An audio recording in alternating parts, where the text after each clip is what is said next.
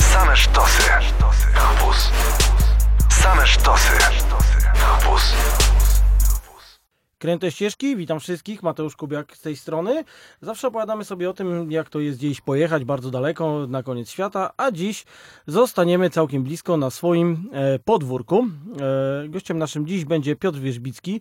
Rodzice niektórych słuchaczy kampusa zapewne pamiętają takiego syna Kukuryku i Giełdy Czadowe. To właśnie ten człowiek stał za tym przedsięwzięciem. Witamy Cię. Dzień dobry, cześć i czołem. Myślę, że niektórzy słuchacze może pamiętają też, że przez parę lat e, moja audycja Zgrzyt też e, była na falach tego radia. Właśnie, zgrzyt, lat ale też na falach innego kultowego radia, jakim była radiostacja tak, oczywiście. swego czasu. E, Ale dziś porozmawiamy sobie o mm, Twojej książce, Warszawa podchmielona. E, Książka zrobiona, bardzo mi się podoba, w, e, trochę w formie etykietki e, od piwa, gdzieś mamy Mhm. objętościowe tutaj procenty w książce. Krótko, co to za książka, o co chodzi? Wiemy, że dotyczy Warszawy, tak? Tak, to znaczy pełny tytuł to jest Podchmielona historia Warszawy i rzecz traktuje o, generalnie o Warszawie, ale przez pryzmat e, piwowarstwa, no, którego nam, nam się to oczywiście dzisiaj kojarzy z tym, że wyskoczyć na piwko jest e, miło, prawda, pić w pięknych okolicznościach przyrody i trochę zapominamy o tym, jak ważny to był trunek w dawnych czasach i jakieś te ślady, prawda, tej, tego, tegoż e, trunku w historii Warszawy starałem się wyśledzić. Tutaj dodajmy, że oczywiście e, ta audycja nie ma na celu popierania e, pijaństwa, ale e, opowieści o tym, jak dawniej się żyło. Słuchaj, mnie zawsze zastanawia to, kiedy się opisuje jakieś miasta i się mówi, że było tyle browarów, tyle gorzelni. E, Tych browarów były jakieś niesamowite ilości z tego, z tego wynika. Dlaczego tak się to Tak, było ich bardzo dużo, dlatego że w dawnych czasach przypominało to trochę takie warsztaty, prawda? Znaczy w browarze sta- standardowym pracowało kilku, kilka osób, czyli mistrz, prawda, że, że to była dzia- działalność rzemieślnicza, by- by- były cechy, prawda? Pracował mistrz oraz kilku czeladników i e, uczniów. E, a na dodatek e, wiele miast miało takie przepisy, że po prostu mieszczanie mogli ważyć piwo na swoje potrzeby. W związku z tym była to działalność, e, można powiedzieć, powszechna, prawda? Ta konsolidacja, że tak powiem, i wycinanie tych mniej, mniejszych takich rzemieślniczych browarów to nastąpiło dopiero w XIX wieku.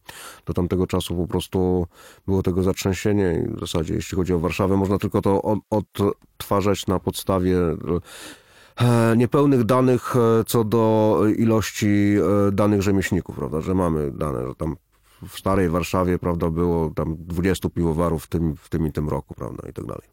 Słuchaj, ta opowieść o tym mistrzu i tych e, czeladnikach, to mi przypomina reklamy tych koncernowych piw, które się tak właśnie reklamują, że mistrz, czeladnik, otwarte tak. kadzie, no w ogóle jak w muzeum to No wszystko to, wygląda. to, jest, to jest, jest to pewien paradoks, prawda, że właśnie e, to jest, to, oni wykorzystują trochę to, no, co, co ten wielki przemysł, no nie ukrywajmy, on się przyczynił jakby do, do, do zupełnej zmiany tego, mm, tej sfery działalności ludzkiej, bo to trudno nawet nazwać przemysłem. My po prostu nie, nie zdajemy sobie sprawy z tego, że t- to było po prostu coś tak ważnego, E, bo tak, po pierwsze ludzie przecież nie znali, a nie było ani kawy, ani herbaty, prawda, nie było, e, tak, woda była w dużej mierze zanieczyszczona, znaczy zanieczyszczona, pochodziła często z jakichś podejrzanych źródeł.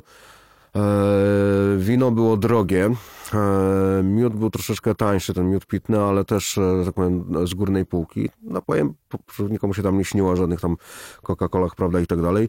W związku z tym, tym napojem takim powszechnym, naprawdę powszechnym, bo pili go wszyscy, było piwo, które miało tam... nazwa wskazuje. bo Tak, no piwo, piwo piwo służy do picia, tak. do picia. To, tak, tak, no to jest... Się powinna piwo dzisiaj tak nazywać. naprawdę. Dokładnie, to jest pra, prasłowiański, że tak powiem, ten źródłosłów, który właśnie oznaczał, oznaczał picie, także po prostu e, e, trzeba też wziąć pod uwagę to, że po prostu piwo było zdrowsze niż woda, dlatego że było, e, jego przygotowywanie polegało też na tym, na wielogodzinnym gotowaniu brzeczki, prawda? W związku z tym było jałowe, a na dodatek zawierając niewielką ilość alkoholu, było aseptyczne. No. Podchmielona historia Warszawy. Ta książka dzisiaj e, w Krętych Ścieżkach. Mm, Mówiliśmy o tym, jak dużo e, piwowarów e, i zakładów było. Czy e, są jeszcze miejsca, gdzie można w jakikolwiek sposób chociażby zobaczyć to, co, co, co zostało, że tu kiedyś był jakiś, nie wiem, znany, znany piwowar, znany zakład, znany browar? Znaczy, jeśli chodzi o pozostałości tych e, dawnych browarów, to mamy nieliczne artefakty. Do takich czołowych e, należy mm, fragment muru browaru Hermana Junga na, przy ulicy Waliców. E, to jest taki dziwny paradoks zresztą, że facet, który napisał taką jedną z najbardziej w ogóle piwnych piosenek e, w historii polskiej e, muzyki rozrywkowej, czyli Chodź na piwko naprzeciwko, Władysław Szlęgiel, on, on mieszkał dokładnie naprzeciwko tego browaru, znaczy mieszkał na, na, na, też na Waliców, tam w takiej kamienicy, której szczątki jeszcze tkwią, mimo że część frontowa jest zburzona. To jest oczywiście pod ochroną, także było częścią takiego, ten, znaczy mówię o tym murze.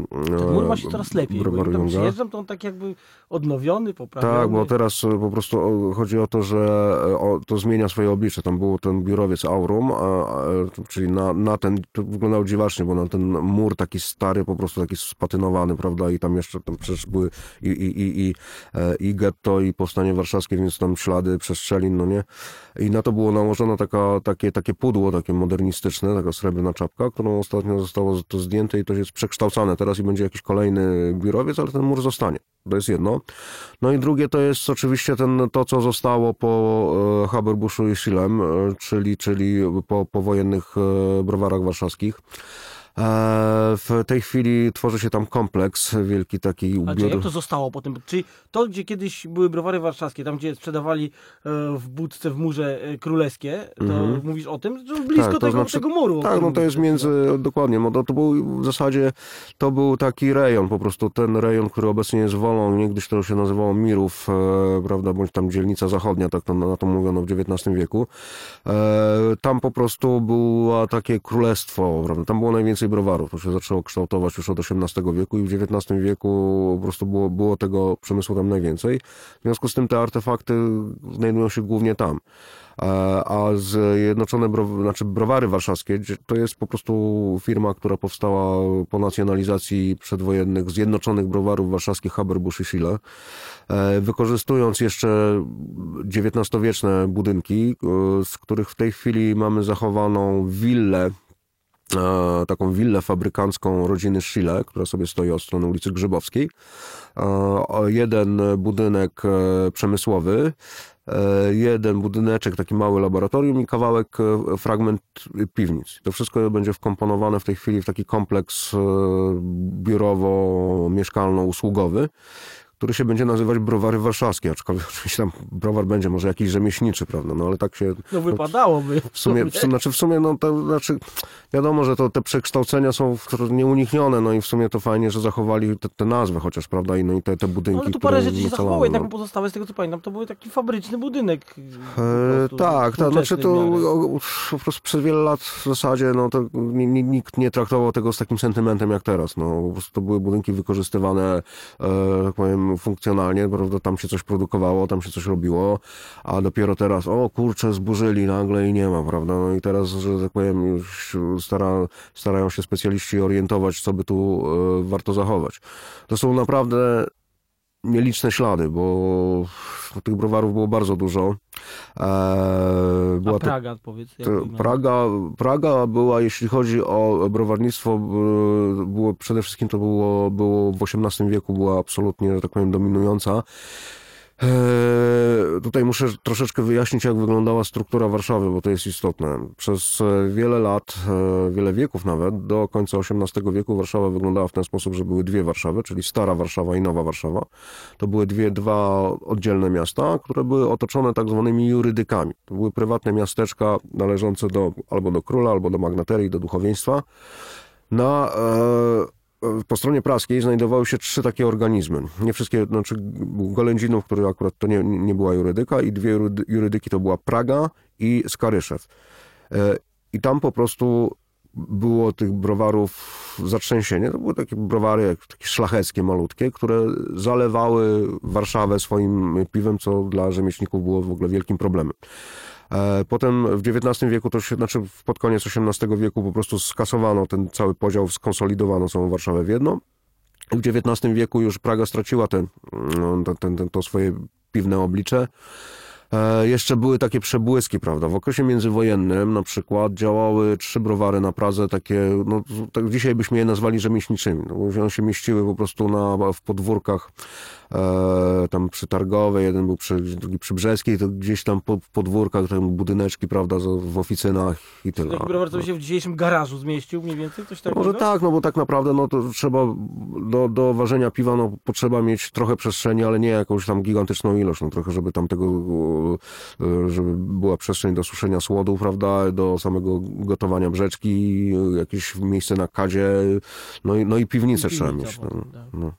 I tyle, także to nie, nie są to, jak to, jak to mówi się potocznie ludowo, wielkie mecyje, prawda? E, mówiliśmy o tym, ile piwa się produkowało. Jestem szczerze mówiąc pod wrażeniem, bo mam wrażenie, że w co drugim domu by, by, był browar. Tak to wygląda.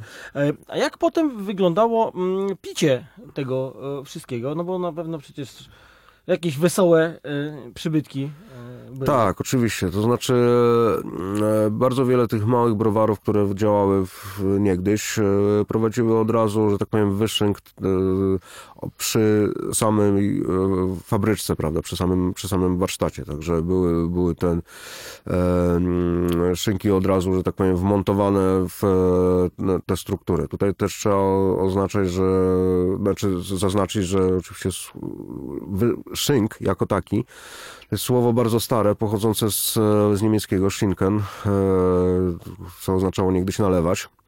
E, Między innymi ulica Piwna w Warszawie niegdyś e, też była nazywana szynkarską właśnie, w związku z tym, że tam się owe szynki mie, mieściły. E, po prostu piwo serwowano w knajpach, ale nie tylko, tutaj trzeba też wziąć pod uwagę to, czym piwo było. No, po prostu było też na przykład przez wiele lat e, spożywane w postaci polewek piwnych, które były po prostu podstawowym w ogóle daniem śniadaniowym Polaków przez Taką setki lat. zupą trochę. Tak, zupa, taka zupa piwna, która dawała w sumie no, niezłego kopa, prawda, była mocno energetyczna e, i tam oczywiście nikomu się nie śniło o jakichś croissantach, bułeczkach z masłem, prawda, kawusi i tak dalej. To było po prostu spożywane na śniadanie przez... przez e, Słuchaj, ja się zastanawiam, jak to wyglądało? lat. Czy to było gęste? Jak to, czy, czy to było tak jak teraz piwo, czy to była jednak taka zupa, zupa? Mm, Nie, nie, to była zupa, która była robiona na, znaczy on, były bardzo różne przepisy, ona mogła być robiona z e, twarogiem na przykład, albo z e, grzankami, e, prawda, także to było stosunkowo gęste. Natomiast takie piwo, tak w naszym pojęciu, prawda, takiej, takiej konsumpcji e, no, balangowej, e, to właśnie owe sz- szynki, a ogródki piwne, które się pojawiły w Warszawie e, na przełomie XIX i XX wieku, wtedy był krótki okres panowania pruskiego w Warszawie przed nadejściem księstwa warszawskiego i to właśnie stamtąd, że tak powiem, przyszła, przyszła ta moda. Dziwne się to może wydawać, ale tych ogródków było najwięcej w ogóle na Woli, która nie była wtedy w ogóle przemysłowym rejonem. E, Następnym takim etapem to były tak zwane Bawarie, czyli po prostu miejsca, gdzie serwowano e, piwo bawarskie. To, to było piwo, które było piwem dolnej fermentacji, ponieważ do, do w zasadzie do lat 20., 30., właściwie w Warszawie do 30, do końca 30. XIX wieku piwo górnej fermentacji, to prostsze do zrobienia, było absolutnie dominujące i dopiero potem, że tak powiem, to, to e, piwo bawarskie, bardziej skomplikowane zapanowało. E, A fabrykanci tego piwa wzięli się na sposób, po prostu zaczęli otwierać własne lokale.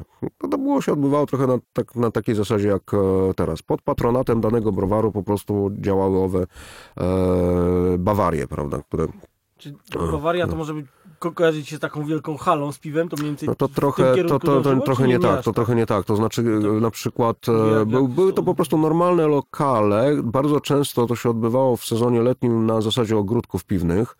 E, Pierwsza taka Bawaria w ogóle działała e, w dom, to w ogóle ciekawa sprawa, że teraz też tam jest prowadzona podobna działalność, ponieważ to było w tak zwanym domu Rezlera przy e, e, krakowskim przedmieściu. To przy Placu Zamkowym, tam gdzie działa e, Bar Warszawa. Dokładnie, dokładnie w tym samym e, miejscu i potem to poszło, prawda? I to nie były jakieś, to nie było tak jak, że Ba- Bawaria, no, nie tak, że tam jak e, w Monachium, że tam jakieś wielkie, gigantyczne hale, prawda? Tylko normalne, normalne lokale, w których po prostu podawano właśnie to piwo, to w XIX wieku to, które było nowe, właśnie to piwo, piwo bawarskie, które, że tak powiem, całkowicie zdominowało rynek. Ono było nieco mocniejsze niż e, to piwo, które spożywano do tamtej pory, tak zwane zwyczajne, e, bardziej takie klarowne, wyraziste, prawda, no i zdominowało całkowicie gusty e, piwoszy nadwiślańskich. Do tego ilości, jakie wypijano piwa, nie w ogóle są nieporównywalne. Bolesław Prus obliczył, że w jego czasach, czy to były lata 80., 90., XIX wieku, przeciętny piwosz w Warszawie wypijał 5 kufli piwa dziennie, 2,5 litra. E, To się może wydawać w ogóle jakieś z punktu widzenia higienicznego przerażające, ale Warszawa na przykład spośród miast europejskich tak się wlokła w ogóle w ogonie. Najwięcej piwa wlewali w siebie Belgowie, Anglicy, no i Niemcy oczywiście i to były po prostu o wiele większe ilości. No dobrze, trochę wiesz co, tym, historia o tym piwie bawarskim to mi przypomina tego wstrętnego Eurolagera, który teraz zdominował właściwie wszystkie półki sklepowe. No to nie należy tego odczytywać w ten sposób. To znaczy było to piwo e, po prostu, znaczy lager, no właśnie stąd się wziął, prawda, leżakować. No, to, to było piwo, które wymagało długiego, długiego leżakowania, a to wyglądało jednak troszeczkę inaczej, jeśli chodzi o smak tych browarów, mimo że nastąpiła konsolidacja rynku, było jednak trochę i każdy każdy w tam około 1880 roku w Warszawie było 21 browarów i każdy jednak chciał mieć jakiś swój własny smak. Znaczy nie było takiej tendencji do takiego spłaszczenia, absolutnego spłaszczenia smaku, prawda, tak jak teraz, żeby tylko tego sprzedawać, tego sikacza jak najwięcej. E, tylko jednak no, każdy browar chciał mieć jakiś swój, swój, swój charakter, także to wyglądało trochę inaczej. Ja mam takie pytanie, bo padło tutaj kilka razy Haberbusch i Schiele, padły Mhm. też inne mm, nazwiska znanych piwowarów. Haberbusch to pamiętam, to jest e, piwo, o którym opowiadała moja babcia, że takiego portera jak Haberbusch przed wojną to po prostu e, już nie ma i tak dalej. I ten Haberbusch i Schiele gdzieś tam cały czas gdzieś dzwoni w różnych, w różnych e, sytuacjach. Ja chciałem się dopytać w ogóle o takie rody. Przede wszystkim, czy y, na pewno przyjeżdżali czy Niemcy, czy, czy Belgowie, czy ludzie z krajów o wyższej piwnej kulturze. Pyta, tak mi się wydaje przynajmniej. Pytanie, czy, czy, ma, czy mam rację. E, I jak to w ogóle wyglądała e, struktura tych, tych, tych rodów piwnych? No tak, to znaczy e, przede wszystkim jeśli chodzi o, to, o, ten, o, to, o te, m, to, ten obraz piwowarstwa warszawskiego, który się ukształtował w XIX wieku, który w tym kontekście no, jest jak chyba najbardziej istotny, to przede wszystkim rzeczywiście byli to Niemcy, dlatego że no, to odbywało się to naturalną koleją rzeczy, bo ile jeszcze w wieku XVIII tymi piwnymi liderami w, na świecie byli Anglicy, to e, w pierwszej połowie XIX wieku, e, tak powiem, Niemcy stali się największą piwną potęgą na świecie i prostu tak jest do e, tej pory. E, ponieważ e, ten rynek tu- tutejszy no, oferował jednak wiele możliwości działania. On był w dużej mierze nie tyle niezagospodarowany, ale na przykład e, właśnie w kontekście tego piwa bawarskiego, o którym mówiliśmy, e, ono wymagało jednak fachowców. To znaczy ludzi, którzy rzeczywiście było, ten proces był bardziej skomplikowany niż przy, przy piwie górnej fermentacji i po prostu ci ludzie byli sprowadzani tutaj często przez właścicieli zakładów albo przyjeżdżali sami. I przede wszystkim byli to ludzie pochodzenia niemieckiego, który dość, e, tak, teraz tak się wym- wymyślono taki dosyć, e, no, myślę, że uzasadniony szyld na tego typu imigrantów, e, Polacy z wyboru, prawda? Czyli oni rzeczywiście dosyć szybko się, się e, spalszczali, szczególnie tutaj w Warszawie. To dotyczyło, to często przybierało nawet anegdotyczne formy, dlatego że tam zresztą przytaczam tą całą historię właśnie opisaną przez Prusa, gdzie na, po prostu w XIX wieku Warszawa się borykała z e, najazdem, z takim importem e, obcego piwa, prawda? No, e, Przede wszystkim było to piwo niemieckie e, była hi- historia opisana, prawda, na jakimś zebraniu, że e, e, trzeba być, e, że jeden z piwowarów wykrzyknął, trzeba być najgorszym Polakiem, żeby w dzisiejszych czasach e, pić piwo sprowadzane kumbacherskie albo pilzneńskie. I wykrzyknął pan Herman Jung, prawda? E, który po prostu do Warszawy przyjechał jako 22-letni człowiek, także po prostu stał się tym Polakiem z wyboru dosyć szybko, w błyskawicznym tempie. E, oprócz niego, no oczywiście wiadomo, no, Haberbusch i Schiele, ale tutaj też e, Klawę, bo to w zasadzie była firma prowadzona na początku przez trzech ludzi. E, Haberbusch, Schiele, Klawę. Potem Klawę odpadł i zos- zostało tych dwóch. E, Haberbuszowie tak naprawdę już w tej firmie nie uczestniczyli w, e, tym, w tym jej międzywojennym obliczu nie uczestniczyli, ponieważ dwóch z nich, e, którzy jeszcze byli zaangażowani w browar przed I wojną światową, zmarło bezpotomnie i potem jakby, no była to oczywiście spółka akcyjna, także byli przedstawiciele różnych rodzin, ale Schilowie występowali tam. I to była rodzina rzeczywiście w ogóle piękna karta w czasie konspiracji, w czasie II wojny światowej, konspiracja, prawda, i tak dalej. Jeden z tych e, z przedstawicieli tej rodziny był też wybitnym sportowcem, narciarzem, prawda, także e, no, duża, duże, du, du, duże zasługi. E, taką, takim odbiegającym od tego niemieckiego oblicza piwowarstwa warszawskiego e, rodem byli Machlejdowie, bo z kolei tutaj bardzo ciekawa historia jest ich pochodzenia. To był rod pochodzenia szkockiego, nazywali się oryginalnie MacLeod e, i po prostu w Polsce znaczy na gruncie warszawskim się to spolszczyło, prawda? No i zostali, zostali, zostali Machlejdami, prawda? No, także mniej więcej tak to wyglądało, no ale przede wszystkim, przede wszystkim byli to piwowarze pochodzenia niemieckiego. Co tam zostało właśnie w nazwach e, czasami. E, czyli co, na przykład Belgowie, Czesi, nie zdarzały się takie, takie Nie, raczej nie, raczej nie. No po prostu y, w, tak w piwowarstwie, jak i w innych gałęziach przemysłu Niemcy mieli tu najbliżej i oni faktycznie, tak powiem, e, zresztą byli, były też tak przez rząd carski byli zachęcani też do, do, do przyjeżdżania e, tutaj. Być może e, zresztą Rosjanie mieli taką nadzieję, że to trochę rozmyje ten polski ferment, Żywioł polski. To się stało trochę odwrotnie, bo, bo po prostu wiele, przez, wielu z przedstawicieli, wiele z tych rodzin no, stało się takimi naprawdę bardzo no, ultrapatriotycznymi, prawda, mimo że zachowując tam swoje ewangelickie korzenie. Między innymi w związku z tym, jeżeli ktoś chce zobaczyć e, groby tych ludzi, to trzeba iść na Młynarską, prawda, na cmentarz ewangelicko-augsburski i tam na przykład e, kaplica Hermana Junga, no to jest kompletny odjazd. To jest po prostu naprawdę coś pięknego. E, I tam, że tak powiem, już no, przedstawicieli tych rodów można spotkać, prawda? No niestety już tylko na cmentarzu, ale oczywiście potomkowie ich żyją do tej pory w Polsce. Słuchaj, a czy y, są jakieś próby wskrzeszania którejś z tych, y, z tych browarów? Jak to, jak to wygląda? Czy są takie pomysły? E, znaczy, no tak, no zasadniczo w związku z tą piwną rewolucją, która się rozgrywa w ciągu ostatnich kilku lat, e, oczywiście mamy, są e, odwo- takie odwołania do tych dawnych czasów, prawda, w postaci tych małych browarów rzemieślniczych i to faktycznie działa i rzeczywiście wielu ludzi poszukuje takich oryginalnych e, smaków, bo są już znudzeni, prawda, tymi, tymi piwami koncernowymi. Natomiast e, moim zdaniem na wskrzeszenie, prawda, tam Machlejda, Kijoka, Haberbusza i Silego nie ma szans absolutnie w Warszawie. To jest po prostu zupełnie inna struktura przemysłu, a mm, wielkiego przemysłu piwowarskiego w Warszawie nie ma. Wraz z likwidacją e, browarów warszawskich, znaczy przeniesiono po prostu resztę produkcji do, do Warki. E, Na placu boju pozostały tylko te właśnie malutkie, e, malutkie browary, no, które mogą tylko samym charakterem swojej działalności odwoływać się do dawnych czasów. E, tutaj e, kolega Piotr Wierzbicki prowadzi również wycieczki po Warszawie. I jak te wycieczki twoje wyglądają? No tak, e, znaczy od paru lat, e, tak powiem, się tym, się tym zajmuję, także tych tras e, zebrało się e, trochę. To są imprezy przeznaczone głównie dla warszawiaków, którzy chcą lepiej poznać swoje miasto, ponieważ bardzo wielu ludzi e, do Warszawy no, przyjeżdża jako w charakterze tak zwanych słoików, z tym, że ja absolutnie nie jestem żadnym szowinistą, bo uważam, że po prostu do tego miasta każdy kiedyś przyjechał. No, moi dziadkowie tam przyjechali, co prawda gdzieś tam przed wojną, prawda, no ale to nie upoważnia mnie, żeby się tam czuć e, Lepszy albo kimś gorszy, lepszym, tak. tak.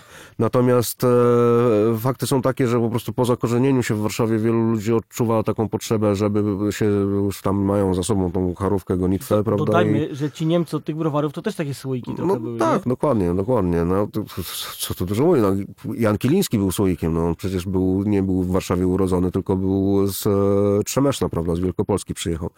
Natomiast e, po prostu ludzie chcą się zacząć orientować w tym, gdzie mieszkają. W związku z czym w ramach tej mojej strony na Facebooku, która się nazywa Warszawa na wyrywki, wymyśliłem coś takiego, że znaczy oczywiście tam skończyłem też kurs e, przewodnicki, prawda, zdałem egzamin, bo to jeszcze było w czasach, kiedy trzeba było egzamin zdawać e, państwowy. No i e, zacząłem tworzyć takie trasy i to one obejmują bardzo różne rejony Warszawy. Od takich e, no, klasycznych typu e, tam Starówka, Trakt Królewski, Krakowskie Przedmieście, Marienstadt, e, po na przykład Cytadelę, która się cieszy niezwykłym powodzeniem, bo to jest rejon niedoceniony, a, a jest to no, zabytek architektury militarnej naprawdę wysokiej klasy.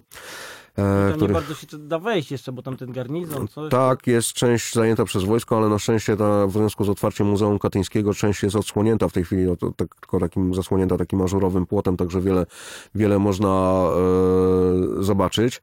E, są takie trasy, które obejmują na przykład e, te klimaty nadwiślańskie i to już robimy w wersji rowerowej, bo ja, ja również e, to, że tak powiem, robię w wersji rowerowej, na przykład, która rower pozwala zwiedzić bardzo w miarę dokładnie na przykład daną dzielnicę, tak jak Bielany albo e, dużą część Woli, prawda, to można zrobić właśnie przy pomocy e, dwóch kółek. E, Współpracuję też z jednostkami pływającymi, można powiedzieć, czyli, czyli z infobarką albo też z taką motorówką, prawda, która, która sobie pływa, pływa po Wiśle i zwiedzanie z Wisły też jest niezmiernie, niezmiernie popularne, prawda, także na, to, na, na, na takie coś też można się e, załapać. Trasa taka przeciętnie trwa około półtorej godziny, tak do dwóch godzin maksymalnie, tak żeby nie przeładować tego, bo to jest jednak dużo, dużo informacji. E, no tak powiem, w tej trakcie wyjaśniam przede wszystkim, co widzimy, co byśmy zobaczyli kiedyś, bo Warszawa to jest takie miasto, które było tak przemielone przez hi- historię, te wszystkie burzliwe, że tak powiem, wydarzenia, przede wszystkim 44 rok. E, posiłkując się oczywiście zdjęciami zachowanymi, bo jest tego akurat e, sporo, wyjaśniam co gdzie stało, prawda i tak dalej. Oprócz tego jeszcze są też trasy tematyczne, które dotyczą jakichś tam wydarzeń. Tak samo właśnie w związku z, też z e, tą moją książką Podchmielona historia Warszawy też niedługo będę, już jestem w trakcie opracowania takiej trasy poświęconej właśnie browarom e, warszawskim, także gdzieś tam w czerwcu ta trasa się odbędzie. E, ale na przykład mam zrobione e, insurekcja kościuszkowska w Warszawie, prawda? I to jest po prostu dokładnie mm, prześledzenie tam części wydarzeń w miejscach, gdzie one się rozgrywały, prawda? Pod kątem właśnie tam Kiliński, prawda, e, bitwy, dane potyczki, jak to wyglądało, tam wieszanie zdrajców i tak dalej, Targowiczan. e, Popularne słowo typu ostatnio Tak. polityce. No to, to już pomińmy to. Albo tam na przykład mam taką trasę też tam knajpy PRL-u, prawda? No i generalnie oczywiście wiadomo, Foxal, tam kameralna, no i, no i wtedy to się odbywa pod e, tym kątem. Także ten wybór jest bardzo szeroki, więc ewentualnie za- na fanpage na Facebooku Warszawa Nowe Rywki i tam wszelkie informacje można uzyskać na ten temat. No dobra, słuchajcie, mnóstwo informacji. Spotkaliśmy się tu z okazji e, wydania książki Podchmielona historia e, Warszawy. E, powiedz mi, powiedziałeś o fanpage'u swoim Warszawa na wyrywki, gdzieś jeszcze można Cię znaleźć w internecie pod jakimś e, adresem? Znaczy ja jestem dostępny, tak powiem, na, na, na Facebooku właśnie na e, tejże stronie, no a poza tym e, okazyjnie na jakichś tam stronach warszawianistycznych, prawda, ewentualnie się mm, udzielam, ponieważ jestem związany też e, jako człowiek piszący, no Skarpa Warszawska mi e, wydała tę książkę, to również na, na, na łamach e, Skarpy Warszawskiej, to już nie, nie internetowo, no także myślę, że spokojnie można, można mnie znaleźć. Dobra, to podsumowanie. Ostatnie dwa słowa i musimy kończyć. E, No cóż, zachęcam do poznawania e, miasta, w którym się żyje, tym bardziej, że ma, ona, e, ma ono niezmiernie ciekawą historię i tak powiem, wbrew pozorom wiele ciekawych artefaktów z dawnych czasów się w Warszawie zachowało. I to jest bardzo optymistyczny akcent, bo wszyscy jesteśmy pewni, że nie zachowało się nic. A No jednak. tak, to są, to są pozory niestety, tam, że zburzono, że tam odbudowana Ale i tak jak dalej. zerwą no. plac, e, to, to się okazuje, że mamy piwnicę pod spodem No, i no, nic się no, nie da więc- tam zbudować. Tak? No jest właśnie. Dobrze, e, gościem był Piotr Wierzbicki, to były Kręte Ścieżki, Mateusz Kubiak. Dziękuję, cześć. Dziękuję bardzo. Radio Campus.